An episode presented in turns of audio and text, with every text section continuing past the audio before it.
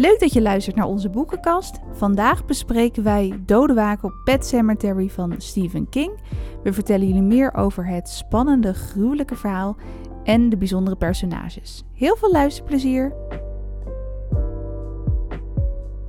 Hallo, hallo, we zijn er weer. Ja, met een nieuwe aflevering. En weer eens een Stephen King boek. Dat is al een heel tijdje geleden in onze boekenkast. Maar ja, wel in het verleden hebben we er twee besproken. twee hè? Dus ik kan het zeggen, dit is nummer drie.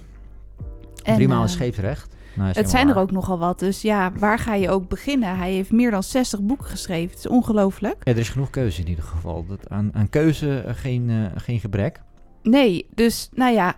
ehm, Maar we zijn wel weer een beetje een klassieker gegaan.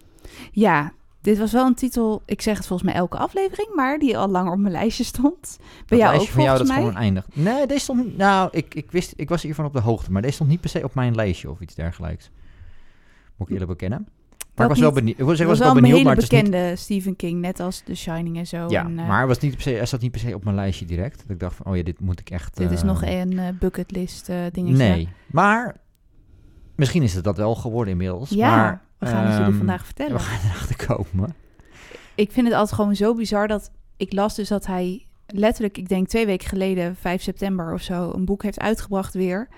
Holly heet het. Het lijkt me best wel spannend eigenlijk om te lezen. Het gaat ook over een politieonderzoek. Dacht ik, hé, hey, hij doet dus niet alleen maar horror en dat soort verhalen. Hij doet ook meer, nou, het gaat wel weer richting het thrillergenre, maar hij schrijft echt van alles. Ik hoor ook hele goede ja, dingen precies. Het is wel een beetje, het is allemaal wel iets met spanning te maken vaak. Maar, Dood. ehm, zover ik weet. Moord. Maar eh, dat soort inderdaad, dingen. er zit, zit wel een range in. Ehm, maar dit is wel weer klassiek Stephen King. Het is natuurlijk ook Ja. een klassieker, om het zo maar te zeggen. Het is al een tijdje geleden Eh, uitgekomen. het is al een tijdje geleden uitgebracht. Wa- wanneer is het uitgebracht, weet je dat weer? Eh, volgens mij was het 1983. 83 Dus alweer, eh, voordat Ja. wij allebei bestonden. Ja. En ik vind het ook zo bizar dat zijn eerste boek gewoon bijna 50 jaar geleden is verschenen, 1974. Dat was volgens mij 22 11 1963. Ja, hij is alweer eventjes bezig, die man. Dat is, ehm, dat kan je... en hij blijft gewoon doorschrijven. afnemen. Hij is 76. Dat vind ik ook zo heerlijk dat je gewoon door blijft schrijven. Ja, ik heb ook niet het idee dat hij zin heeft om te stoppen, zou ik maar zeggen. Nee. is gewoon, eh, we gaan gewoon lekker door. Eh, we zijn al een tijdje bezig, dus waarom zouden we nu ophouden? En heel veel verfilmingen. Ik denk dat hij ook een van de auteurs is met de meeste boekverfilmingen op zijn naam. Dat is ook ongelooflijk. Ja, het zijn in ieder geval enorme hoeveelheden. Ik denk, dat, ik denk als je gaat kijken naar dat, dat, dat Bram Stoker of zo met Dra- Dracula misschien Oh ja. nog iets meer heeft, omdat het natuurlijk en langer en het is inmiddels, eh, iedereen kan er een film van maken. Wat wel grappig was, dat ik zei, we, hadden het, we hadden het erover op een gegeven moment een keertje, volgens mij, dat we het eten waren ergens. En ehm, we waren een weekje naar Stockholm, en toen zaten we volgens mij ergens te lunch of zo. En toen hadden we het erover inderdaad dat er dus een, een one dollar soort van ding is met, met Stephen King. Dat is dus niet voor echte films. Was Ik dat wel met Stephen King? ja, dat is Stephen precies. King. Maar ik dacht dat ja. het voor gewone films ook was. Maar er is dus een, ehm, een ding dat je dus van zijn korte verhalen... mag je een, een film maken voor 1 dollar. Ehm, maar het is dus wel specifiek voor, voor, voor filmstudenten en, en dat soort zaken. Eh, maar dan kan je dus voor 1 dollar kan je dus een, eh, een van zijn, zijn korte verhalen kan je verfilmen. Om hen te stimuleren om ja, om dus eigenlijk jonge, jong creatives eh, te stimuleren. Dus ja, het was wel interessant. Maar goed, dat is dus niet, ehm, niet voor zijn boeken, wat ik op een gegeven moment dacht. Maar ik dacht, die gast is loaded, het maakt allemaal niet uit. Maar nee, dat is niet helemaal waar. Gelukkig, Eh, maar voor zijn korte verhalen, daar heeft hij er ook heel wat van Daar heeft hij er ook heel wat van geschreven, dus ehm, zeker. En dit boek Ehm, is al twee keer verfilmd. Twee keer verfilmd. Ja, dat is ook alweer. Dat zat ik Grappig, te kijken. Want we hebben dus nu. Nou ja, we hebben dus de, de, de, de recentelijke verfilming gekeken. De oorspronkelijke verfilming is dus geweest in 1989. En de nieuwe is in eh, 2019 geweest. We dachten, dacht ik kies er ook- één. Ja. Toen dacht ik, hé, precies 30 jaar na elkaar. Hoe zit dat in elkaar? Ja, goed. Dus Ja. de Universal volgens mij, die heeft die rechten gekocht eh, in 1989 voor 30 jaar. Dus die moesten voor die Oh, 30 jaar een, een tweede film eruit persen, zeg maar. Om een beetje, eh, om daar gebruik van te maken. Dus daarom zit er ook precies 30 jaar tussen die twee films. Oh, grappig. Wat ook alweer grappig is. En Maar- het schijnt dus dat hij, Stephen King, een eh, rolletje speelde in, In de die film- originele, Ja, ja. van Of ja, 1989. originele, maar de, van hij heeft in 1989. best wel veel films gespeeld. Of in dan was er een miniserie gemaakt van The Shining. Had hij ook weer een rolletje Ja, hij Dus dat heeft vind ik volgens wel leuk. cameo's gemaakt inderdaad, die kleine rolletjes heeft. En hij heeft ook een paar films zelf geregisseerd. Hij heeft, Oh, wauw. ehm, volgens mij is Maximum Overdrive of zo, zo zo'n film die hij geregisseerd heeft. Eh, maar een, hij heeft ook, en die heb ik nooit gezien trouwens, volgens mij is dat een serie of een verfilming ook. Maar hij heeft The Hmm. Shining ook zelf opnieuw gefilmd. Hij is, voor mij hebben we toen ook in de Shining aflevering op besproken, dus hij is, hij is niet blij met de verfilming van The Shining van, St- van Stanley Kubrick. Ehm, dus hij heeft hem Hmm. toen zelf ook nog een keer verfilmd. Ja. Oh ja. Ja. En dat was, en dat was meer eh, getrouw aan het boek, om het zo maar te zeggen. Het boek en ja. oorsprong eh, en Steve, Stanley Kubrick ver- versie zijn ook wel echt afwijkend van elkaar. Ik moet zeggen, we hebben natuurlijk van deze de 2019 film gekeken. Was ook wel weer anders dan het boek. Heel best wel, anders. be- best, wel, best wel anders. Daar kunnen we zo misschien nog wat dieper op ingaan. Maar Ja, de hoofdlijnen van het verhaal waren wel redelijk hetzelfde, maar af en toe kwam er dan ineens bloed uit de keukenkastje dat ik dacht van, wat, Ja. wat voegt dit toe? je probeert toch zeker die 2019 versie probeert wel iets meer ehm, het iets spectaculairder te maken dan dat het misschien zou moeten zijn, om het zo maar te zeggen. Ja, dat denk ik van, wel. Is dit nou echt nodig? Maar goed, Is dit, het verhaal was ook een beetje anders, maar ja, er zijn een aantal dingen die veranderd zijn. ik vind het altijd wel interessant hoe... iets toegankelijker te maken, maar ja, dat, ja, misschien wel eens, want het is, een, het is echt wel een gruwelijk verhaal. Ja, Het staat bekend als het engste boek Ja. van Stephen King. Nou, Oeh, ik ben niet zo'n Stephen King kenner dat ik dat kan zeggen, maar nee. Het is wel lekker luguber. Ik zou het niet zomaar iedereen aanraden van ga dit Nee. lezen. Het is heel liguber inderdaad. Ik weet niet, weet niet of het het engste boek... Ik moet zeggen, The Shining, ik heb niet, ook niet heel veel gelezen... maar The Shining is misschien voor mij nog wel... Ja, wat spannender of zo. Daar heb je iets meer het gevoel dat het Maar- echt in je echte leven kan gebeuren. Nou ja, je hebt daar heel erg het gevoel dat je... Dat is natuurlijk wat, wat die film goed doet en ook het boek goed doet... is dat je echt geïsoleerd bent. En dat heb je hier niet. Waardoor je toch... Het voelt dan iets minder eng aan. Dus ook een beetje net als Ja. de film Alien of zo, of wat dan ook. Is dat als je in ruimte bent of wat dan ook, je kan niet ontsnappen, zeg maar. Dat gevoel heb je heel erg in, eh, in The Shining. En hier ehm, ja, speelt het zich gewoon in een, eh, in een alledaags dorpje af. Natuurlijk weer in Maine, want daar is. Stephen King geboren en daar woont hij nog steeds, geloof ik. En ehm, het schijnt dat eh, zijn inspiratie voor dit verhaal ook was dat hij zelf ooit ook op een universiteit les heeft gegeven. Niet als arts, zoals Louis, de hoofdpersoon, maar als leraar Engels. Dat hij toen daar naartoe is verhuisd met zijn vrouw en kinderen, ook aan een hele drukke autoweg woonde. En dat daar dus een dierenbegraafplaats was waar kinderen uit het dorp hun overleden huisdieren begroeven. En dat daar dus ook zijn zoon bijna is aangereden. Dus ja, en dan een hebben we eigenlijk het hele verhaal dat is het hele eh, verhaal, jongens. Zet de aflevering maar uit. Dat, dat, dat is, was het. om nee. het even in een nutshell te vertellen. Maar dat, heeft hij dus echt wel- meegemaakt. Ik dacht, Ja. hoe kom je op dit verhaal? Maar nou ja, dat is dus heel kort samengevat waar het over gaat. Je begint vanuit het perspectief van Louis Creed te lezen. Die eh, is verhuisd naar Ludlow, naar een beetje een afgelegen Echt een beetje een boerder klein dorpje. Waar dan wel een universiteit in de buurt is. Ehm, dat is voor me ook, ik heb ook het idee dat dat het enige vorm van, van, van levendigheid is in het hele dorp, om zo maar te zeggen. Ja, er gebeurt vrij weinig. Hij heeft dan wel een weinig. overbuurman, maar Maar daar gebeurt ook vrij weinig.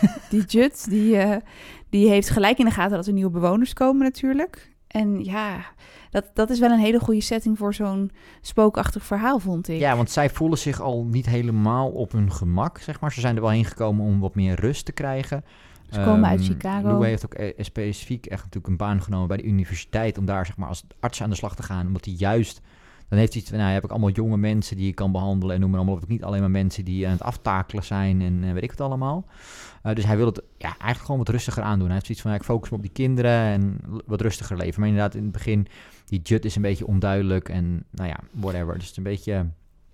Die Jut is dan die, die 80-jarige buurman, die zit gelijk... In- ja. overbuurman, die zit dan gelijk in het hoofdstuk. En dat vind ik wel goed aan dit boek. Dat, dat er dan eh, gelijk wordt gezegd van... Louis had nooit het gevoel dat hij een vaderfiguur had... eh, maar dat had hij wel toen hij Jut leerde kennen. Dus ze blikken soms best vooruit op de gebeurtenissen. Dus dan weet je al, oké, die worden dus close. Of er wordt ook wel eens gezegd over een bepaald personage... dit was zes weken voor de overlijden. Ja, ik hou daar wel van, want dan weet je gewoon... er staat iets te gebeuren. Ja, het is, dit, is, ja, dit is precies hoe hij denk ik... Ja, niet al zijn boeken, want daar hebben we het weinig van gelezen. Maar dit is wel echt hoe hij die spanning opbouwt. Een van de trucjes die hij doet eigenlijk is... je bijna vertellen wat er gaat gebeuren. Waardoor je, waardoor je enorm die, die, die, die spanning en die angst aanvoelt komen. Wat je al zegt, die auto weg met die denderende vrachtwagens en noem maar allemaal op. En je hebt zoiets van, ja... de- daar kan moet- niet goed Daar moet iets mee gaan gebeuren. En dan gaan ze op een gegeven moment naar een dierenkerkhof. En dan denk je, oké, dan moet... Weet je, die Jut die laat ze dan zien. Dan gaan ze met een dochtertje gaan ze erheen en zo. En dan gaat hij dat een beetje rondleiden. En dan heb je zoiets van, oké, ja... Wat er gaat gebeuren, ik heb geen idee. Maar er gaat iets gebeuren. Echt stilte voor de storm. En dat gebeurt met, met heel veel verschillende dingen. En ik kan me voorstellen dat sommige lezers het heel frustrerend vinden. Maar ja, hij doet dat zo goed. Dat is echt wel een beetje zijn ding. Ehm, en dan voel je die spanning opbouwen. Ja, en hij sleurt je ook in het verhaal. Want ik, ik zie het ook gewoon letterlijk voor me hoe hij daar dan aankomt rijden met zijn vrouw en twee kinderen, een dochtertje en nog een jonger zoontje. En daar gaat ook gelijk van alles mis, want hij kan de sleutels niet vinden. En Gage, eh, zijn zoontje, wordt geloof ik gestoken door een bij of een wesp of wat dan ook. Dus dan denk ik al, hoe zou het misgaan met dat zoontje? Of waar gaat het allemaal heen? Maar er zijn gelijk al allemaal een beetje verontrustende gebeurtenissen.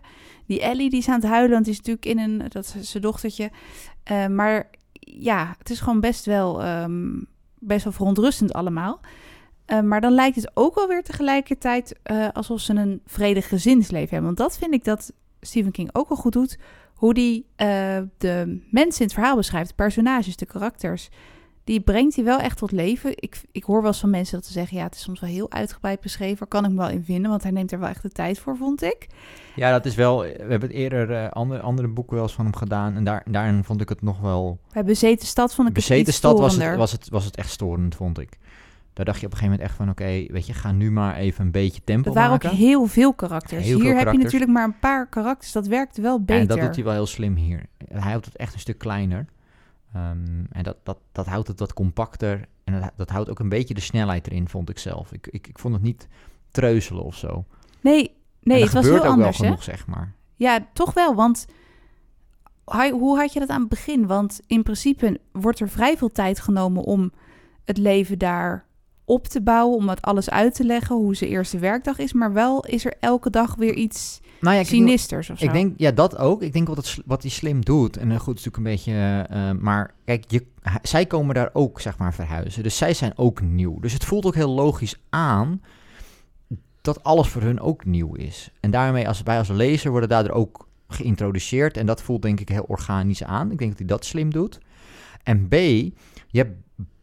En dat is natuurlijk ook wat een goede detective of eh, dat soort dingen vaak ook goed doen. Is je hebt bij het, meeste dingen die worden uitgelegd. Niet alles, want dan wordt het voorspelbaar. Maar bij de meeste dingen die worden uitgelegd, heb je toch zoiets van: ah, dat kan wel, dat, dat moet ik goed, even goed onthouden, dit.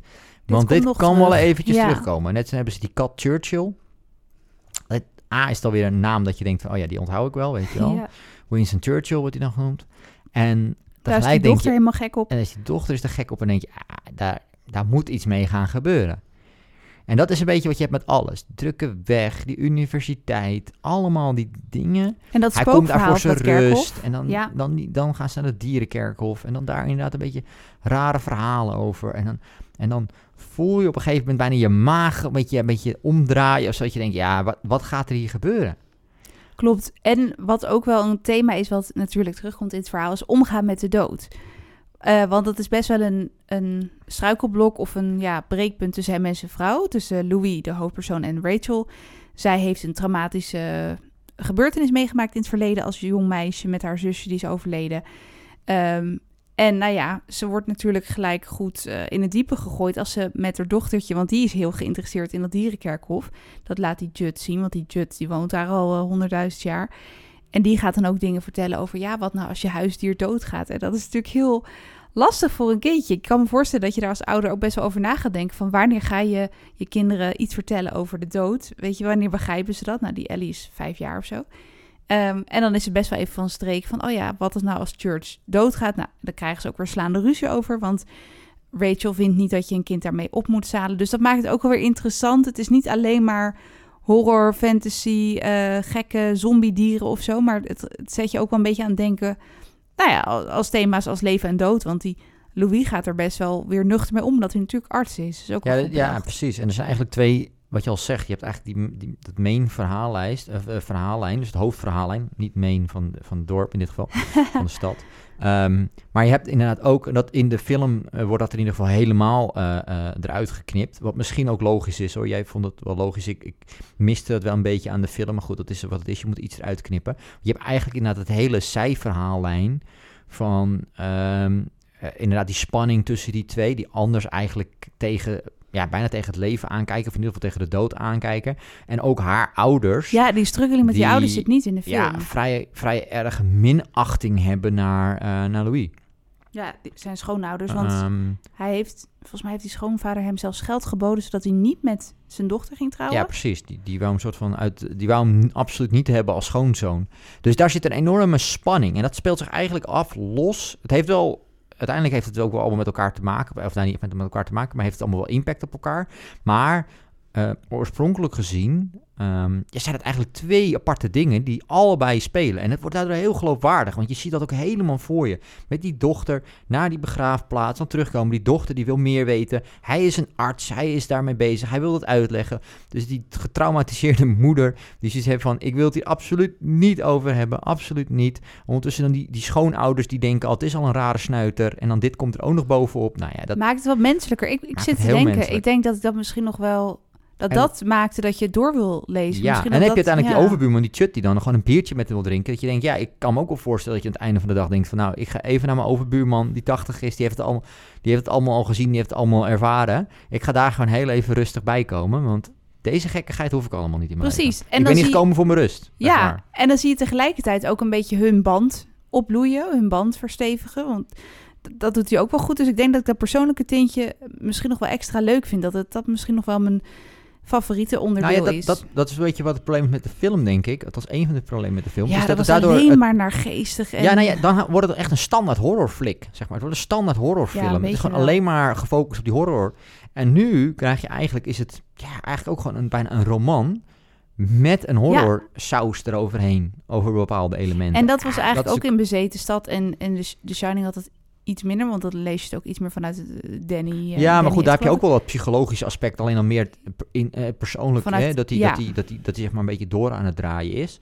Ehm, daar speelt Die dat opbouw meer. is gewoon Maar hier heb je inderdaad, knap. omdat er wat meer karakters zijn, omdat ze minder geïsoleerd zijn, is het misschien, vind ik het persoonlijk misschien iets minder eng. Ja, Maar is het wel daarentegen wat meer, ja, gewoon wat dynamischer. Er gebeurt gewoon meer. Er is meer interactie tussen personen. De karakters komen daar wel meer tot leven, denk ik. Daardoor vind ik het soms wel lastiger van aan welke vriendin zou ik dit boek nou aanraden. Want ik heb best veel vriendinnen die dan thrillers lezen. Maar ik kan me ook voorstellen dat sommige mensen het toch een beetje traag vinden. Dus ja, een boek pakt je wel of pakt je niet. Het heeft iets ja, ongrijpbaars of zo. Ik weet niet zo goed. Ik, ja. Het is, het, is, het, is geen, het is echt een Stephen King boek. Je kan het moeilijk met andere dingen vergelijken, denk ik.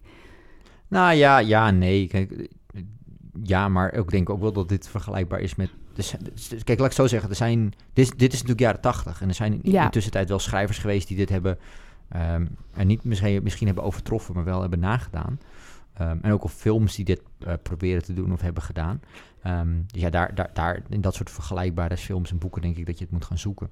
Maar, ja, goed, eh, maar ik snap wat je be- bedoelt hoor. Het is natuurlijk, eh, maar ja, ik denk als je geïnteresseerd bent in horror is het wel interessant. En als je geïnteresseerd bent een beetje ja, psychologische thriller of zo, is misschien ook wel interessant. Niet echt een detective, maar wel een beetje die kant op is het op zich ook wel interessant. Ook hoe hij die kinderen beschrijft. Ik, ja, Ja. Ik, Ellie is misschien wel een van mijn favoriete personages, zijn dochtertje.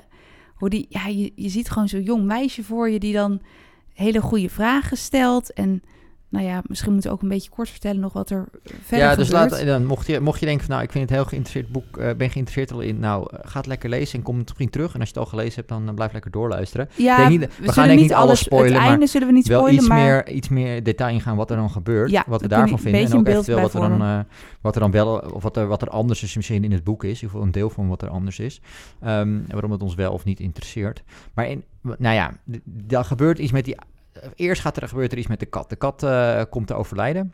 Ik denk dat dat toch een beetje een van de, Ja. van de dingen is waar het, waar, waar het balletje een beetje be- begint te rollen. terwijl hij heel jong is en ehm, Precies. hij is toch aangereden. Ik moet eerlijk zeggen dat toen hij... Want eh, op het moment dat dat gebeurt is Louis alleen thuis. Want zijn vrouw zit dus in Chicago bij de schoonouders met Thanksgiving. En zij mogen elkaar dus niet, die Louis en die schoonouders. Dus nou ja, hij is alleen thuis. Komt ook goed uit voor het verhaal. precies. En dan wordt hij gebeld door Jut van ja, je kat is dood. Terwijl het een hele jonge kat is. Toen dacht ik nog, hmm, misschien heeft die Jut er wat mee te maken. Ik zou geen oh, idee hebben waarom hij die kat bedacht. zou Maar ja. omleggen. Maar toen dacht ik wel, waar gaat dit heen? Maar het ging er helemaal niet per se om wie hem had doodgemaakt. Maar meer, wat doe je ermee als hij dood is? Ja, precies. Wat gaan we daarmee doen? Dus Want je nou kan ja. toch niet je dochter zo verdrietig maken als ze thuis komt. En, Dus... en Louis die zit natuurlijk ook gelijk voor me het hele trauma. Dat, oké, dat trauma van die moeder en, en dat niet over dood. Nou ja, dat komt helemaal bij hem terug. hij En ziet denk, het alweer helemaal gebeuren. En dan krijgt hij natuurlijk de schuld dat hij niet goed op die kat heeft Ja. gelet. Weet je wel. Maar laten we gewoon de kat begraven, dan is er niks aan de hand. Dan hebben we het er niet meer over. Dus dat, ja. dat stelt die, die Jut, die stelt dat Die voor. weet een hele specifieke plek. Precies. We zijn al naar die dierenbegraafplaats geweest, dus laten we daar gewoon terug naar gaan. Dus een flinke wandeltocht. Ook weer fantastisch beschreven, vond ik eerlijk gezegd. Ja, echt, echt Dat moet je je voelt echt die spanning opbouwen. Gaan we hier niet, kunnen we hier niet omschrijven. Hoe, Maar je ja, gewoon, dat je je voelt het gewoon Op helemaal. zo'n verlaten pad met Ja, helemaal doodstil. Een harde grond waar hij niet doorheen komt. Dat is alleen al een heel gevecht, zeg maar, om dat, om dat begraven dan te doen. Dat wordt een hele strijd bijna om dat te doen. Kat eindelijk begraven. En dan zit Louis eigenlijk ook, ja, waarom heb ik dit nou eigenlijk... Niemand, hij kan al niet helemaal beseffen waarom hij het nou gedaan heeft. Dat is een beetje raar. En waarom heb ik het eigenlijk gedaan? Maar we hebben het toch gedaan. En er heerst ook een soort van gekke ja, kracht rond die plek. Ja. En dat heb- hebben ze dus eigenlijk pas achteraf door. Maar je, ze, ze raken een beetje ongemerkt in de ban of een beetje bezeten van die plek waar ze zijn. Want ze gaan ook voorbij een bepaalde stapel met boomstammen. Precies, En moet je dan- even overheen klimmen. En Daar heeft dan- dat dochtertje eerder ook op gespeeld. Ja, En Ja, dan dus zijn zij ze ook bang dat ze ervan afvalt. ja. Ja. Maar eh, nou ja, en dan de volgende dag, en dan, eh, dan begint uiteindelijk eh, zeg maar het horroraspect. Eh, dan is de kat weer tot leven gewekt. De kat eh, is gewoon weer terug. Ja, het is weer Niet alsof er helemaal niets gebeurd is, want er is wel daadwerkelijk iets gebeurd. Maar de kat Ja. is wel terug ehm, en leeft weer. Alleen de- Oh, en dat vond ik wel zo luguber, dat hij dus helemaal heel erg stinkt en, en ruikt naar aarde en naar dood. En dat hij ook niet meer zo goed kan lopen. Hij is niet meer helemaal zichzelf. Het is nee, niet de dus oude hij is een beetje meer. kreupel. Hij stinkt naar de dood en naar, naar de aarde waarin hij begraven is. En hij is vals geworden. Ja, Dus hij is ook eh, niet meer de lieve kat die hij eerst was. maar hij is niet per se vals naar de mensen, maar Nou, meer, dacht ik. Ja, misschien een beetje, maar... mm, Ja, sindsdien is Ellie ook wel een beetje klaar met hem. Maar toch houden ze hem in huis, vind ik eigenlijk Ze wel houden hem in grappig. huis, maar zijn wel een beetje klaar Hij mee. mag niet meer bij haar in bed, want Louis hij wilde hem heel graag het huis uit hebben, maar op geen enkele mogelijke manier lukt dat. Want iedere keer als je het huis is, dan komt hij toch weer naar binnen. Geen idee hoe, maar op een of andere mysterieuze wees, eh, men- reden is Oeh, hij dat iedere keer zo- weer in het huis. Dan zit je s'avonds daar alleen met je drankje en dan ineens is die spookachtige kat daar weer. Dat is ja, dus dat, is, dat, griezelig. dat gaat, al, gaat al lekker en is natuurlijk een voorbode voor wat er in de rest van het boek gaat gebeuren. Eh, zoals je misschien al zou verwachten. Ja. Ehm, ja, oh dan- ja, en wat nog belangrijk is, denk ik, Ja. op die universiteit. Ehm, Ja. Oh, er is ook nog iemand overleden. eh, ja, die Pesco, die heeft wel een belangrijke rol nog in het boek. Die eh, jonge ja, student, die, die wordt er binnengebracht en die eh, ligt op sterven. Dat zag er ook vrij gruwelijk uit in de film, zei jij. Nou, in het boek is het ook heel gruwelijk. Aangereden of zo. En eh, nou ja, die begint dus ook te praten over het dierenkerkhof tegen Louis. Natuurlijk alleen als ze met z'n in de kamer zijn. Hoe weet hij nou dat hij Louis Ja, dus het is nog een beetje onduidelijk of nou een hallucinatie is Ja. of niet en zo. Maar ja, Dat vind ik sowieso het hele boek. En dat vind ik vaker dat Stephen King dat doet van... Ja, is- gebeurt dit nou echt of is het een hallucinatie, weet je wel? Ja, en dat houdt hij een beetje... Want inderdaad, op een gegeven moment heeft hij ook zo'n zo'n visioen of zo... dat hij dan dus inderdaad naar dat pet cemetery loopt. En dan wordt hij wakker, zeg maar, uit zijn Ja, droom. dat vond ik een heel goed stukje. en dan, eh, maar hij heeft wel vieze voeten.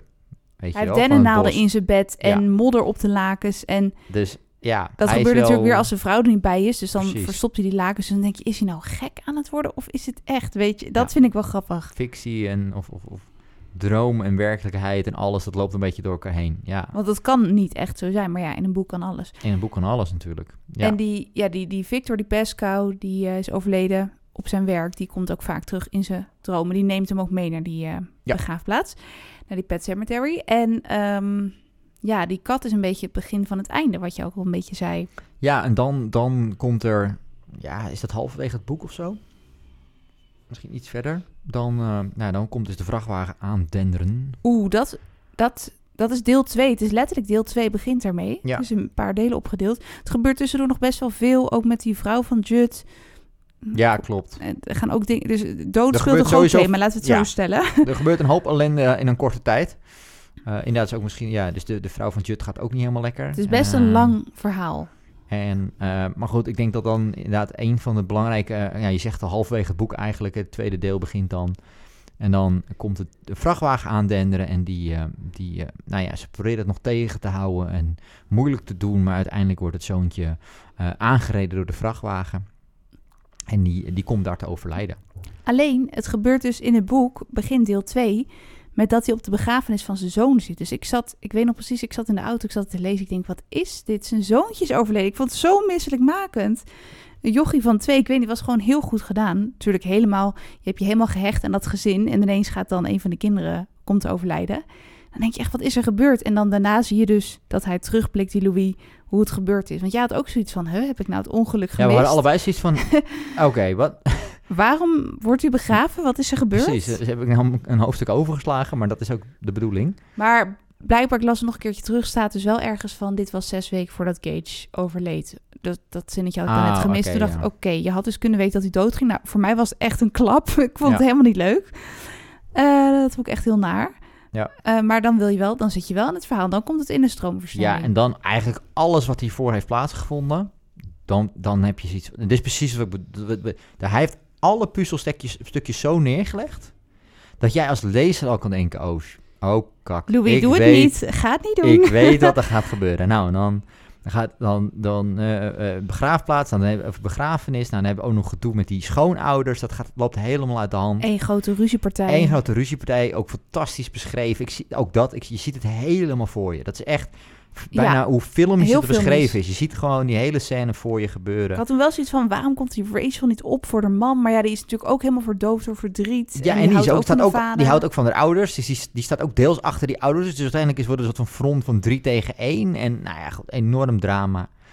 Ehm, en dan komt hij Maar wel thuis. hart, hartverscheurend. Ook enorm hard wat ik vooral zo zielig vond, is hoe Ellie dan, zijn zusje blijft dan dus over.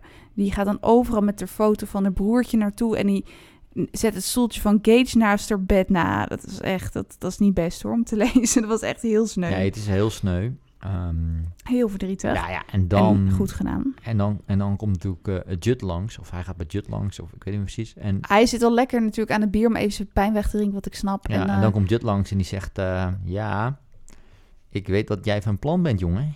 Ja. Ik weet wat jij van plan Want het bent. was al eerder te sprake gekomen van... heeft er daar ooit iemand een mens begraven Ja, op de dierenbegraafplaats? Precies. En dat is blijkbaar wel eens gedaan en niet zo goed. Ja, maar afgelopen. Louis zegt natuurlijk, dat ga ik niet doen. Gaat niet gebeuren. Maar tegelijkertijd heeft hij wel een niet-permanente deksel gekozen voor eh, het graf. ja waardoor oh hij ja, voor die makkelijker kist. het graf open kan maken. En dan Ja. zegt Jut, ja, dat weet ik. Dus ik, ga jou, ik ga jou in de gaten Ja. houden, jongen. Dus ja, nou dan, ik, weet, ik denk dat we heel veel meer moeten gaan spoilen, maar, ehm of wel? Mm, nee, dat niet. Misschien kunnen we een beetje vertellen wat we van het einde vinden. Maar ja, ik wou het zeggen, maar laat ik zo zeggen. Dan, ik, ik denk dat je, als je dit gelezen hebt dan, eh, en een beetje ons geluisterd hebt, dan weet je wel een beetje waar dit heen gaat. Het, er gebeurt nog heel veel. Er, er is al heel veel gebeurd, er gebeurt ook Het- nog heel veel. vaak herlees ik dus het einde van En het, boek echt, voordat ehm, we even opnemen. ja. Maar dat kon ik met dit einde niet zo goed. Het is echt best wel Het is heftig. walgelijk heftig. Het is een heftig einde. Want Eh, inderdaad, de, de ja. tweede helft van het boek, ja, de, naar mijn mening, ja, er, gebeurt eigenlijk net zoveel als in de eerste helft van het boek. Het blijft, blijft fascineren. Er gebeuren heftig. allemaal dingen. Ja. De, de, de, de intensiteit is, is in één Ja, keer precies. vele malen hoger. Ja, en dan het einde, ja, ik, eh, heftig, wat, eh, wat je ook al zei, heftig. Ik, ik deels verwacht, ja, ik vond het ook enorm spannend. Ik heb het normaal gesproken niet zo, zo spannend, vind ik vaak. Wel grappig dat jij hem niet. zo spannend vond. Ik vond ja. hem heel Jij spannend. bent- jij kan wel eens kritisch zijn. Ja, ik vond hem spannend Ik ook. gewoon.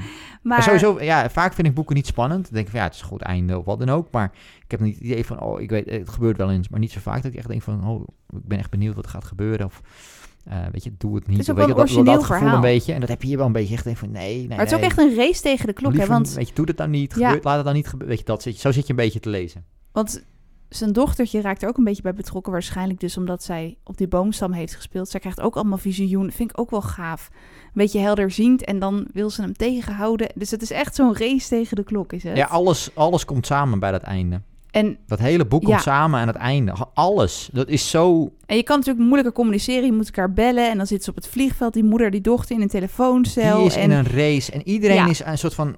Iedereen probeert op één plek samen te komen. Het is gewoon ze voelt er is iets niet goed. En je weet gewoon, het is Stephen King, dit gaat niet goed eindigen. En nee.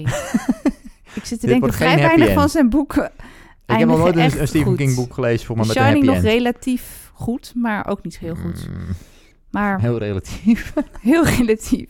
Daar overleeft wel iemand het. Nou ja, hier oké, overleven hier ook sommige overleeft ook wel mensen. iemand het, maar daar, daar houdt het dan ook wel mee op. Oh, gaat hij dat ook die laatste zin? Ja, Ja, nou ja, ik kan Ja, het dus, helaas eh, niet ja, verklappen. goed. Ik wil niet te veel spoilen voor jullie lieve Precies. luisteraars. gaat lekker, gaat lekker, gaat lekker eh, eh, lezen. Ik, Ik- zou wel ja. aanraden, in ieder geval, ik heb de negen, we hebben de film uit 1989 niet gekeken, we hebben de film uit 2019 gekeken. Ja, wat vonden we ervan? Het is gewoon, het is gewoon een horrorfilm. Ja, Ik denk dat al het bijzondere wat ik had uit het boek, kwam niet terug in de film. Is niet echt. Ik miste ook een beetje dialogen, denk ik. Ja. Ehm, is natuurlijk ook weer moeilijk om een boek na te maken. Maar ook gewoon dat sommige dingen ex, voor mijn gevoel dan expres een beetje heel eng gemaakt werden zonder dat het een doel had. Ja, Zoals bloed uit het plafond en een lijk uit een kast viel. Dat je denkt, waar komt dat lijk Ja, ineens ja voor mij in ieder geval iconisch is de... de kijk, in, in, in het boek heb je dus gewoon de vrachtwagen, die rijdt voorbij... en die rijdt dan eh, rijdt het, het kind aan. Eh, is wat- ook gewoon je al- grootste angst als ouder is al dat dat verschrikkelijk. gebeurt. Dat, dat hoef je niet, dat is gewoon al het worst case wat er is. Er is. Dat is wat het is. Ja, en in de film, nou, ik weet niet wat er gebeurt, maar die, die vrachtwagen remt en die knakt en de containers vliegen alle kanten. Weet je, een soort van halve, zoals van de Fast and the Furious-achtige ongein. De auto vliegt uit elkaar en dan brokstukken vliegen over de weg heen. En dan gebeurt, dat je denkt, ja, ik weet, ik, ik snap niet wat hier nou gebeurt. Wat dit nou, dit is is soort van, misschien ja, beetje. echt, echt. Dit is echt zo van, yo, weet je, dan denk ik, ja, het is al best wel een relatieve, ze voelt het in ieder geval aan, een beetje low budget aan. Niet, het is niet echt low budget. eh, er zitten op zich wel redelijk bekende acteurs in en zo, dus dat is allemaal wel oké. Maar het is niet een high. En dan denk ik, ja, ga je daar dan je budget aan besteden? Maar goed, eh, het is wat het is. En inderdaad, er zitten een aantal dingen in dat je denkt van, ja, dit is, voor de, dit is gewoon voor de trailer of zo gefilmd, dat het wat een hogere shock eh, factor heeft. Ehm, maar ja, in, in, in, in- in de film wordt het daardoor een beetje niks. En eigenlijk alle Mm. elementen die, die, de, die het boek echt bijzonder maken, zijn of afgezwakt of niet aanwezig in de film.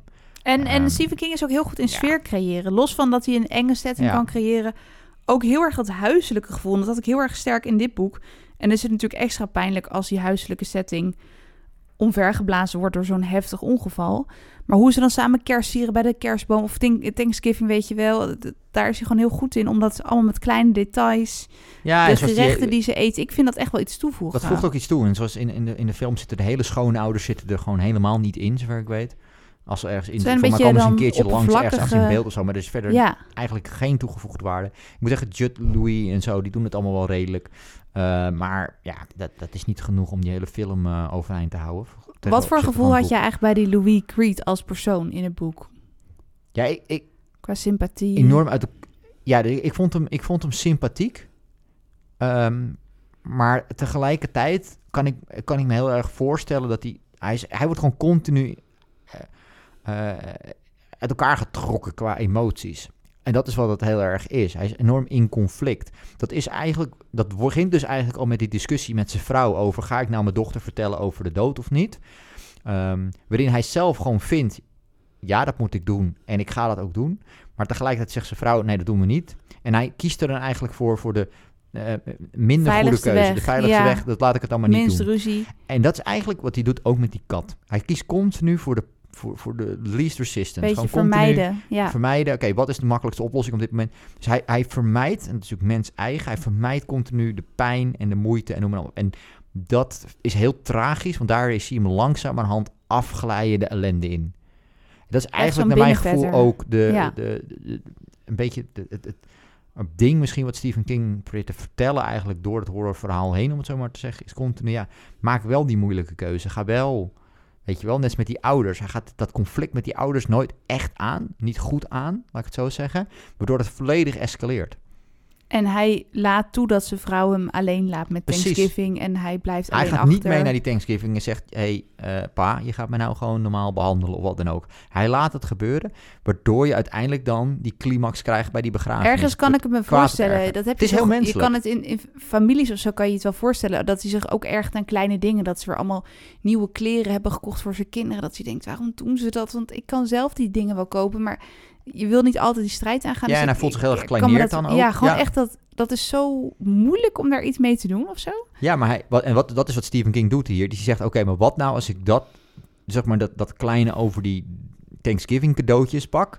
En ik blaas dat op naar een gigantisch horrorverhaal met drama en chaos en leven en dood. En dat is eigenlijk wat hij doet, want het is hetzelfde probleem. Hoe ga, je om, hoe ga je om met het leven en de dood?